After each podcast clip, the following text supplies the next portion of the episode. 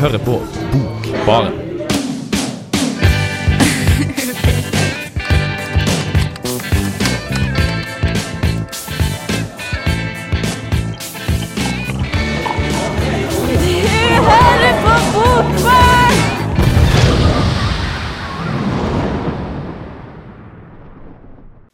Og velkommen til Bokbarns helt spesielle påskesending. Det her er en Best of-sending fra det siste året, der vi har smatta og mumla om litteratur både her og der. Det du skal få høre, er anmeldelse av Udødeligheten av Milan Kundera, Klokken og sengen av Eline Lund Fjæren, 100 Facts About Pandas av David og Dockerty, Frøydi Solli Simonsens Dyr sortert etter alder, og et intervju med Tore Renberg. Og så er det prat og skit om Renberg Tønes Knausgård-arrangementet som var på Studentersamfunnet i fjor.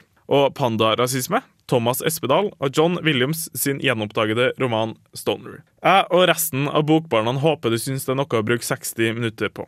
Og vi håper det distraherer deg fra å tenke på at vi har fri pga. at Jesus er død, og at en hare driter egg med godteri i. Og som alltid når jeg får velge musikk, Jokke og valentinerne med selvdestruktiv. Kos deg, kjære lytter.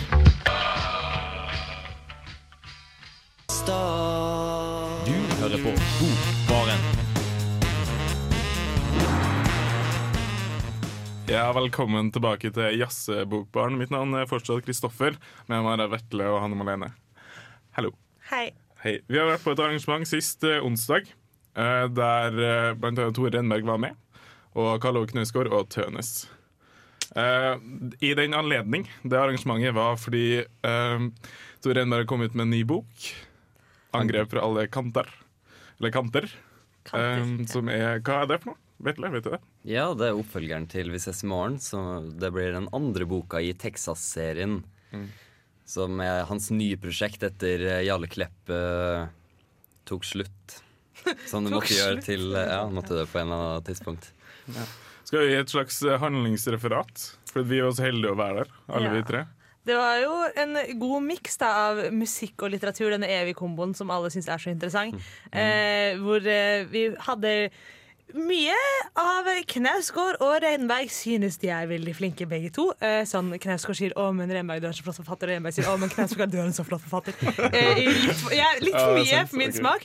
Det ligner veldig på Jeg hadde med en artikkel forrige uke hvor jeg også følte litt på den 'Vi er de kule gutta', la oss sitte her og prate litt om tingene vi har drevet med fordi vi vet alt om litteratur. Det var litt der. Eh, Det var veldig veldig interessant. Så var det litt sånn intervjuer og sånn, og så var det Tøne som kom og var skikkelig sånn 'Hei, jeg tar disse store egoene litt ned på bakken og er søt og spiller sangene mine som er helt random og veldig skjønne'. Og så var det til slutt 'Vi er tilbake til studentlivet, 90-tallet, vi var dritkule, vi spiller i band, la oss spille de samme sangene om igjen'. Det var litt, jeg følte det var litt greia. Grunnen til at de kjenner hverandre, var fordi at Knut skulle være med i eh, studentradioen i Bergen. Bergen. eh, der han så Tore Enberg med en eh, Ole Robert Sunde-bok. Så han hei, jeg har lyst til å bli venner med deg fordi du leser kule bøker. Ja, det som er bra Nå har- nå har Kristoffer fått uendelig nye sånn, mengder med anekdoter å fortelle om forholdet mellom Renberg og Knausgård. Fordi vi fikk veldig mye sånne storyer av første gang de traff hverandre, og liksom historier de hadde hørt om hverandre. Og veldig mye sånn Jeg visste ikke at de var venner før i tida. Nei. Det visste kanskje dere.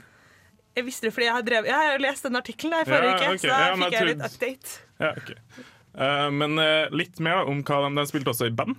For at de hadde et band i studietida, og så tok de litt opp igjen. Eh, hva syns dere om det? Ja, helt ærlig så uh, syns jeg egentlig de bør holde seg til litteraturen. Uh, det er litt slemt å si. Det er bra eh, det er med, vet du. Ja, jeg vet ikke. Det, det er jo en grunn til at de ble forfattere.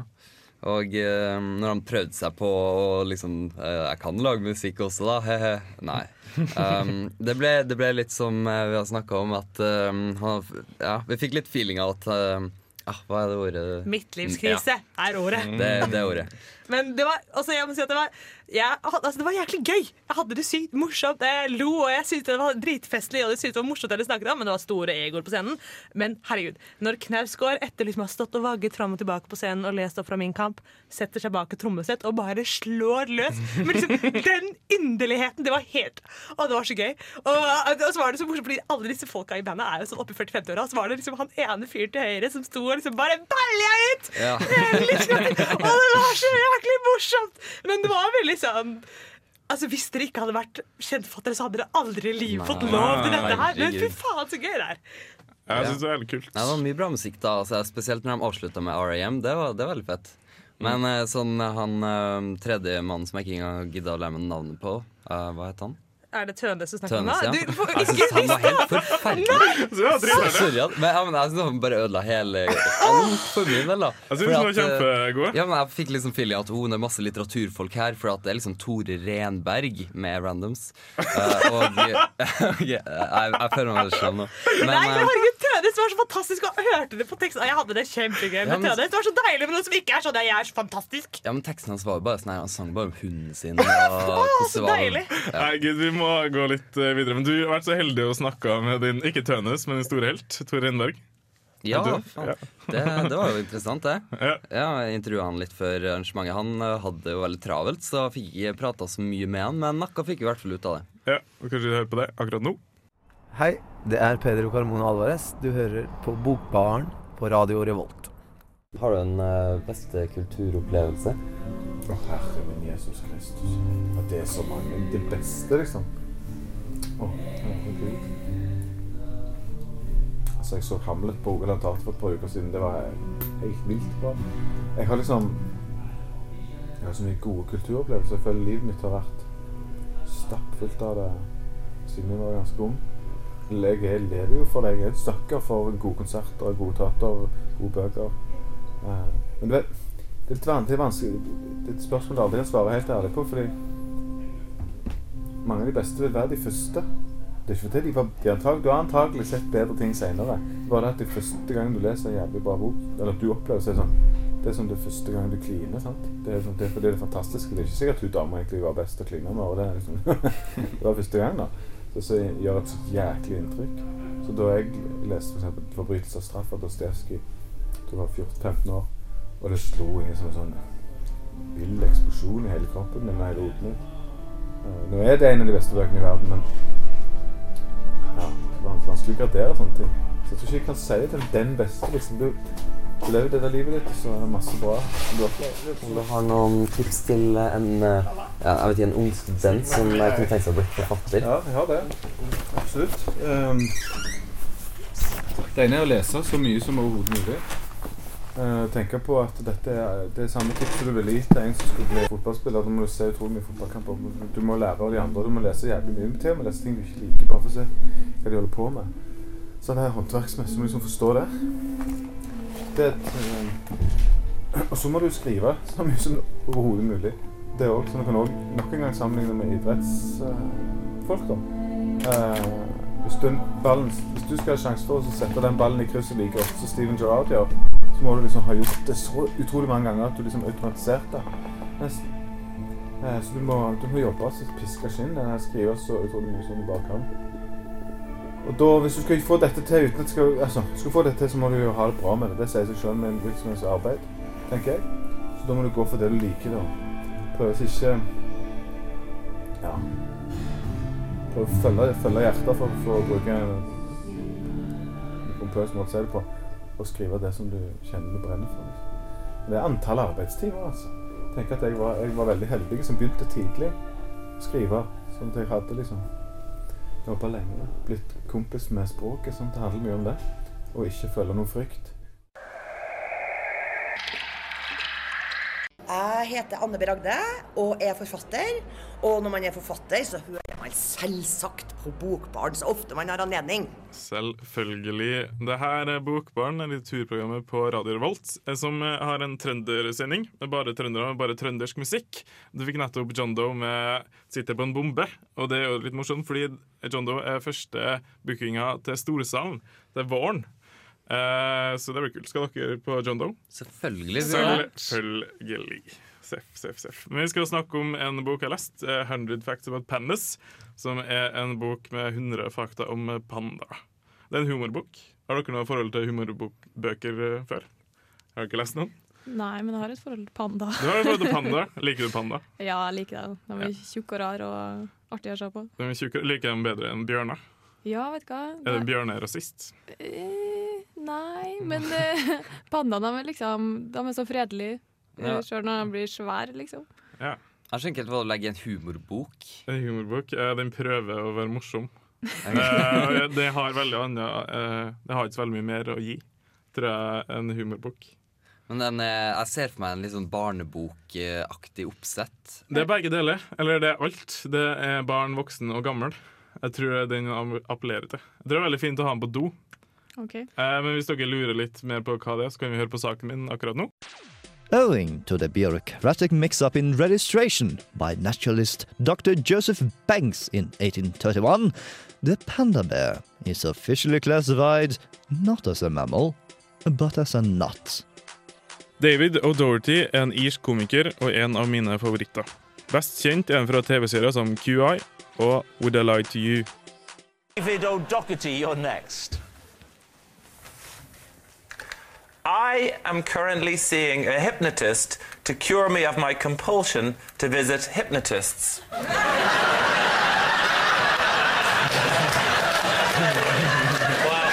I don't think this is going to take too long. Han har en lavmælt og absurd humor som kanskje kan sammenlignes best med en panda. Og fiffig nok så har han laga en bok om panda, sammen med Claudia O'Doherty og Mike Ahern. 100 Facts About Pandas heter den, og den rommer 100 pandarelaterte faktabiter. Roald Amundsen's plan to use a team of pandas to pull his sled to the South Pole was abandoned when the tendency of the animals to veer wildly of course to accuse penguins was discovered during a pre-expedition test in 1909. This was the first time the pandas' rivalry with other black and white animals was noted. Fakta er et veldig krast ord. Betraktninga om en ideelt mer pandasentrert verden er heller det det går i. For eksempel så hevder forfatteren at det eksotiske folkeslaget nordmennene tror på at det å bære et bilde av en panda beskytter deg fra sykdom, og at Norges mestselgende julepresang er en god helsepanda-nøkkelring. Norwegians believe that carrying a picture of a panda protects you from illness. Norway's top selling Christmas present is the Good Health Panda Locket. Many Norwegian IT professionals have a background picture of a panda on their computer desktops, believing it protects the machine from most Trojan horse viruses and spyware attacks. Det er ikke lenge til jul, og hvor heldig er ikke du nå som har en gave til hele familien? Brenn dorullnissene og kast fotprosessoren tilbake til Verdalen, for 100 facts about pandas kan du gi til bestemor, barnebarn og deg sjøl. Pandas have no fingerprints. This is believed to be why they are used as accomplices in many jewel and bank robberies. International law enforcement agencies arrest around 700 pandas every year. Hvis du liker Douglas Adams og annen sanseløs britisk humor, er dette en investering. Det kan være fint å ha noe uhøytidelig litteratur mellom alt det andre. Writer, dramatist, and poet Samuel Beckett placed an order for a panda with the Chinese authorities in May 1949. Owing to importation problems, quarantine issues, and a series of delivery mix ups, the bear did not arrive at Beckett's Paris home until January 1990, one month after his death. Academics have long speculated that the bear was Beckett's Godot, and waiting for it provided the inspiration for his best known play. In fact, papers recently reveal it was Beckett's intention to name the bear Balky after a character from his favorite US sitcom of the 1980s, Perfect Strangers. Jeg heter Anne B. Ragde og er forfatter. Og når man er forfatter, så hører man selvsagt på Bokbarn så ofte man har anledning.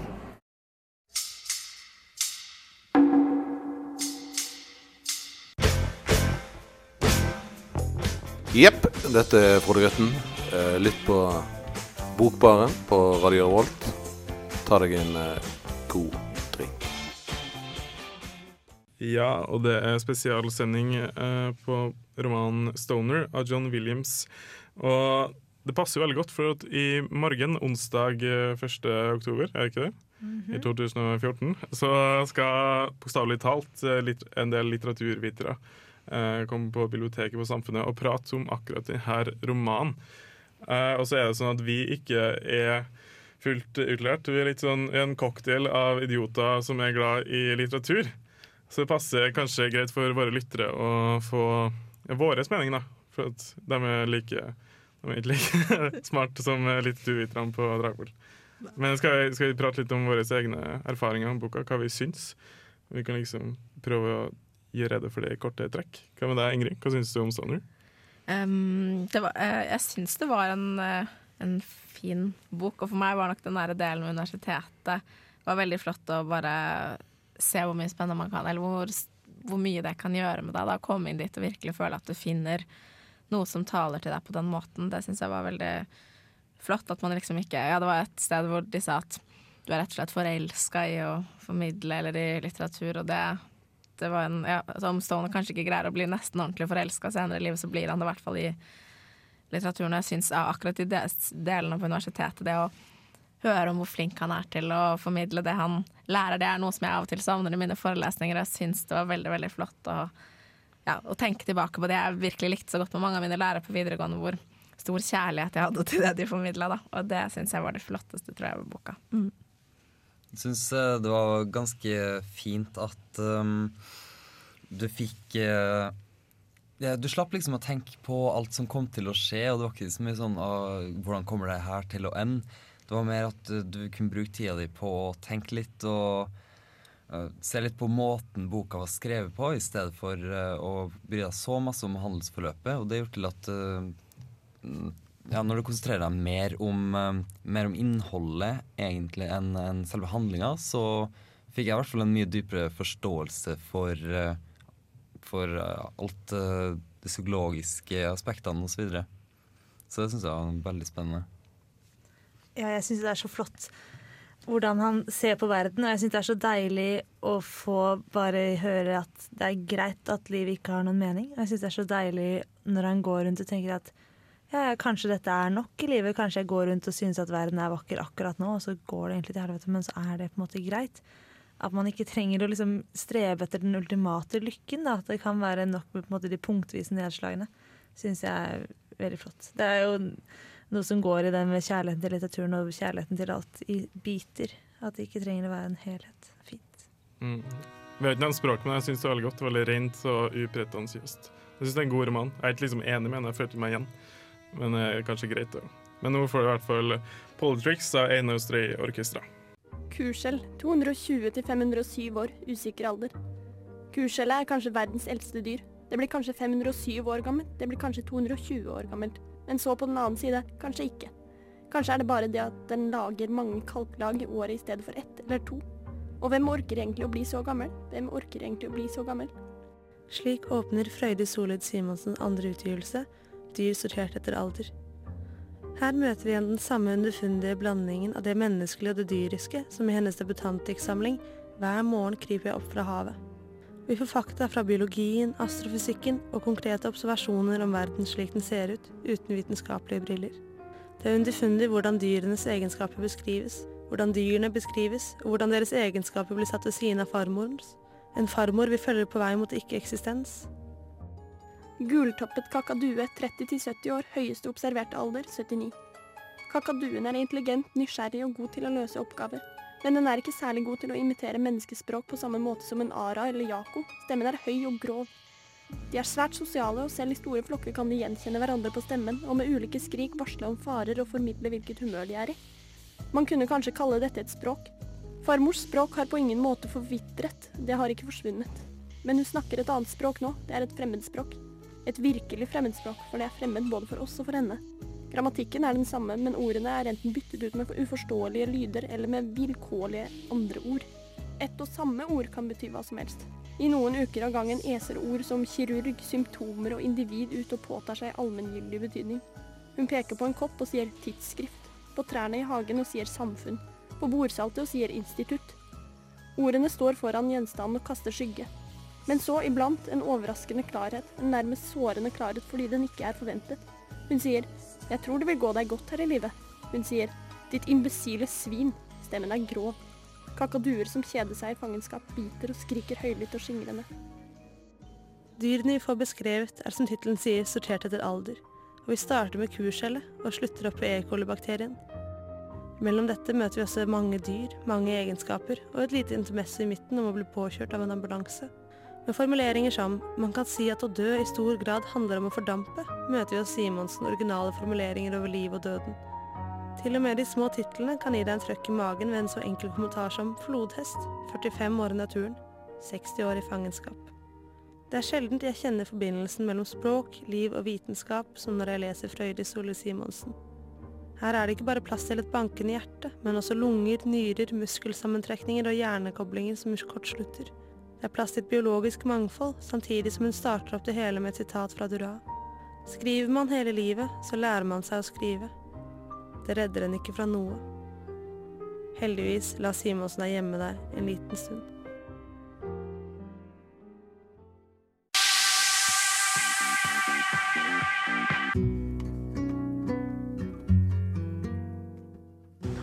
Sex with you is really a Kafkaesque experience.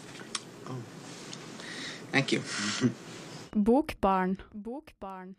Det gjør du, og der har vi snakket om Thomas Espedal. Og sist så snakket vi om Mitt privatliv, som er en billedbok han har kommet med. Og det tenkte du jo litt om, Marit. Ja, jeg bare tenkte at jeg synes Den minner litt om de bøkene som kom etter Harry Potter. egentlig, De røde, om ville dyr og hvor du finner dem. Fordi den har, den har fine bilder, men han er jo en forfatter, og teksten får så lite plass da, i forhold til hva egentlig bildene sier. Fordi jeg tror ikke det ville vært så interessant hvis man ikke hadde lest bøkene. Så jeg tror hvis du ikke har lest Espedal før, så er ikke det her egentlig noe å se på, da. Nei, Jeg kan egentlig være veldig enig i det. Det er litt sånn litt add-on. Det er litt sånn ekstra, ekstra materiale på film. Så kan du komme og så kan du se litt hvordan det var bak scenene, der hvor han lagde bøkene sine. Og synes at det er kult at han er sånn skikkelig organisasjonsfrik, hvor alt ligger i rette sabel samtidig som det er kaos. Og så ser jeg at han har sine egne bøker på arbeidsbordet. Det er veldig morsomt. Ja. Men det er veldig spennende å se hvis man har lest bøkene, tror jeg. Fordi man blir jo veldig nysgjerrig sånn, å, hvordan så det her huset ut, og hvordan så de her arbeidsrommene hans ut, og arbeidsbordet, man får et veldig godt innblikk i det. Så hvis man liker Thomas Espedal, så er det absolutt noe. Og vi liker Thomas Esp. Hei, hei. Eh, Dette er Vigdis Hjort. Jeg liker navnet på denne radiokanalen, Radio Revolt. Hør på magasinet Bokbarn. Det å sitte på bar og lese bok, det er ikke det verste.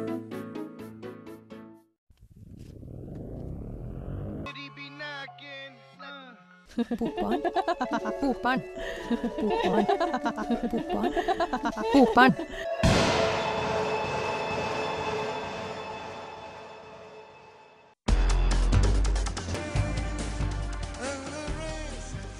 Udødeligheten.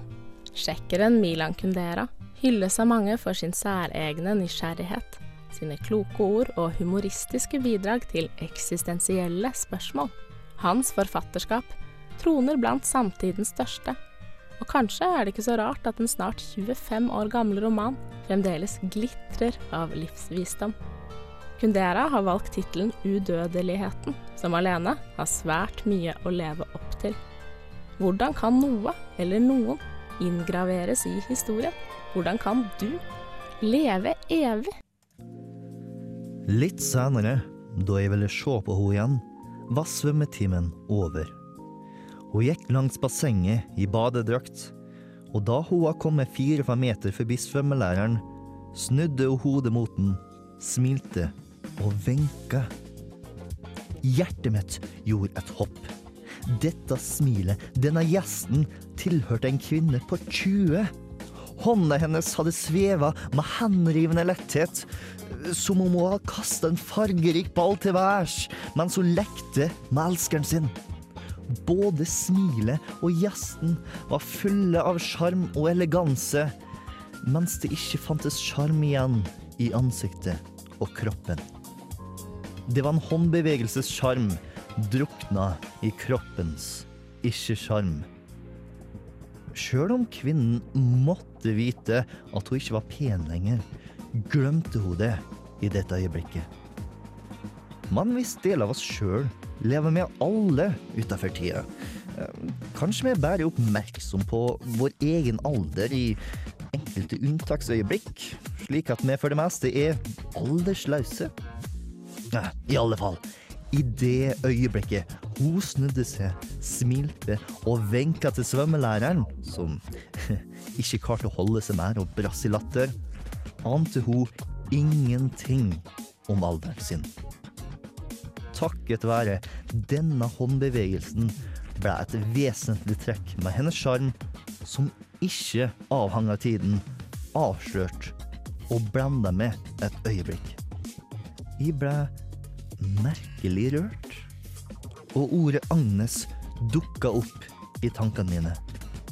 Agnes. Aldri har jeg kjent noen kvinne som har båret det navnet. Med et motsetningsfylt søstreforhold som rammefortelling trekker Kundera tråder, lager knuter, stiller spørsmål og finner svar rundt udødeligheten. Her får vi møte Bettina som søker majoritetens anerkjennelse. Ja, vi har vel alle vært der, noen ganger. Ved å insistere på et dypt kjærlighetsforhold til Goethe. Andre som også har satt sine spor, som Beethoven og Hemingway, får også litt plass. Men mest av alt handler det om udødelighet for minoriteten. En udødelighet som bygger på hvem du faktisk er, snarere enn materialistiske og utapåklistrede hashtags. Hvilke ansiktstrekk, stemmeleie og ikke minst latter vil ettertiden huske? Hvor levedyktig er egentlig minnet av deg? Kundera skildrer med mesterlig blikk hvordan et lite glimt av noen kan være tilstrekkelig for en fullverdig, ja, muligens noe fordomsfull, analyse av hele mennesket. Som leser blir du nysgjerrig, men også redd. Hvordan ville han ha beskrevet meg? Er alle svakhetene mine klistra i panna? En av søstrene Agnes observerer en dusjende kvinne, som på død og liv må si at hun elsker kalde dusjer, men hater varme. Og beskjedne mennesker er det verste hun vet. Agnes observerer også sin søster Laura, som kopierer hennes livsløp, så vel som gester, men med en mer ekstrem vri. Hun ønsker så inderlig å være mystisk, og knytter en rekke gjenstander til seg. Gjenstander er litt unike. Og hun blir dermed den letteste å kopiere av alle. Agnes observerer, men prøver aldri å være noe mer eller mindre enn seg selv. Litteraturen gjør den minst unik. Mest unik. Ikke bare fordi det kanskje stemmer, men like fullt fordi det er nettopp det litteraturen kan aller best. La oss bli kjent med og huske dem som mange andre ikke ser. Ja, bli kjent med dem som mange andre ikke ser. Er dette et, et lite vink til deg som sitter bakerst i forelesningssalen helt aleine, Ingrid?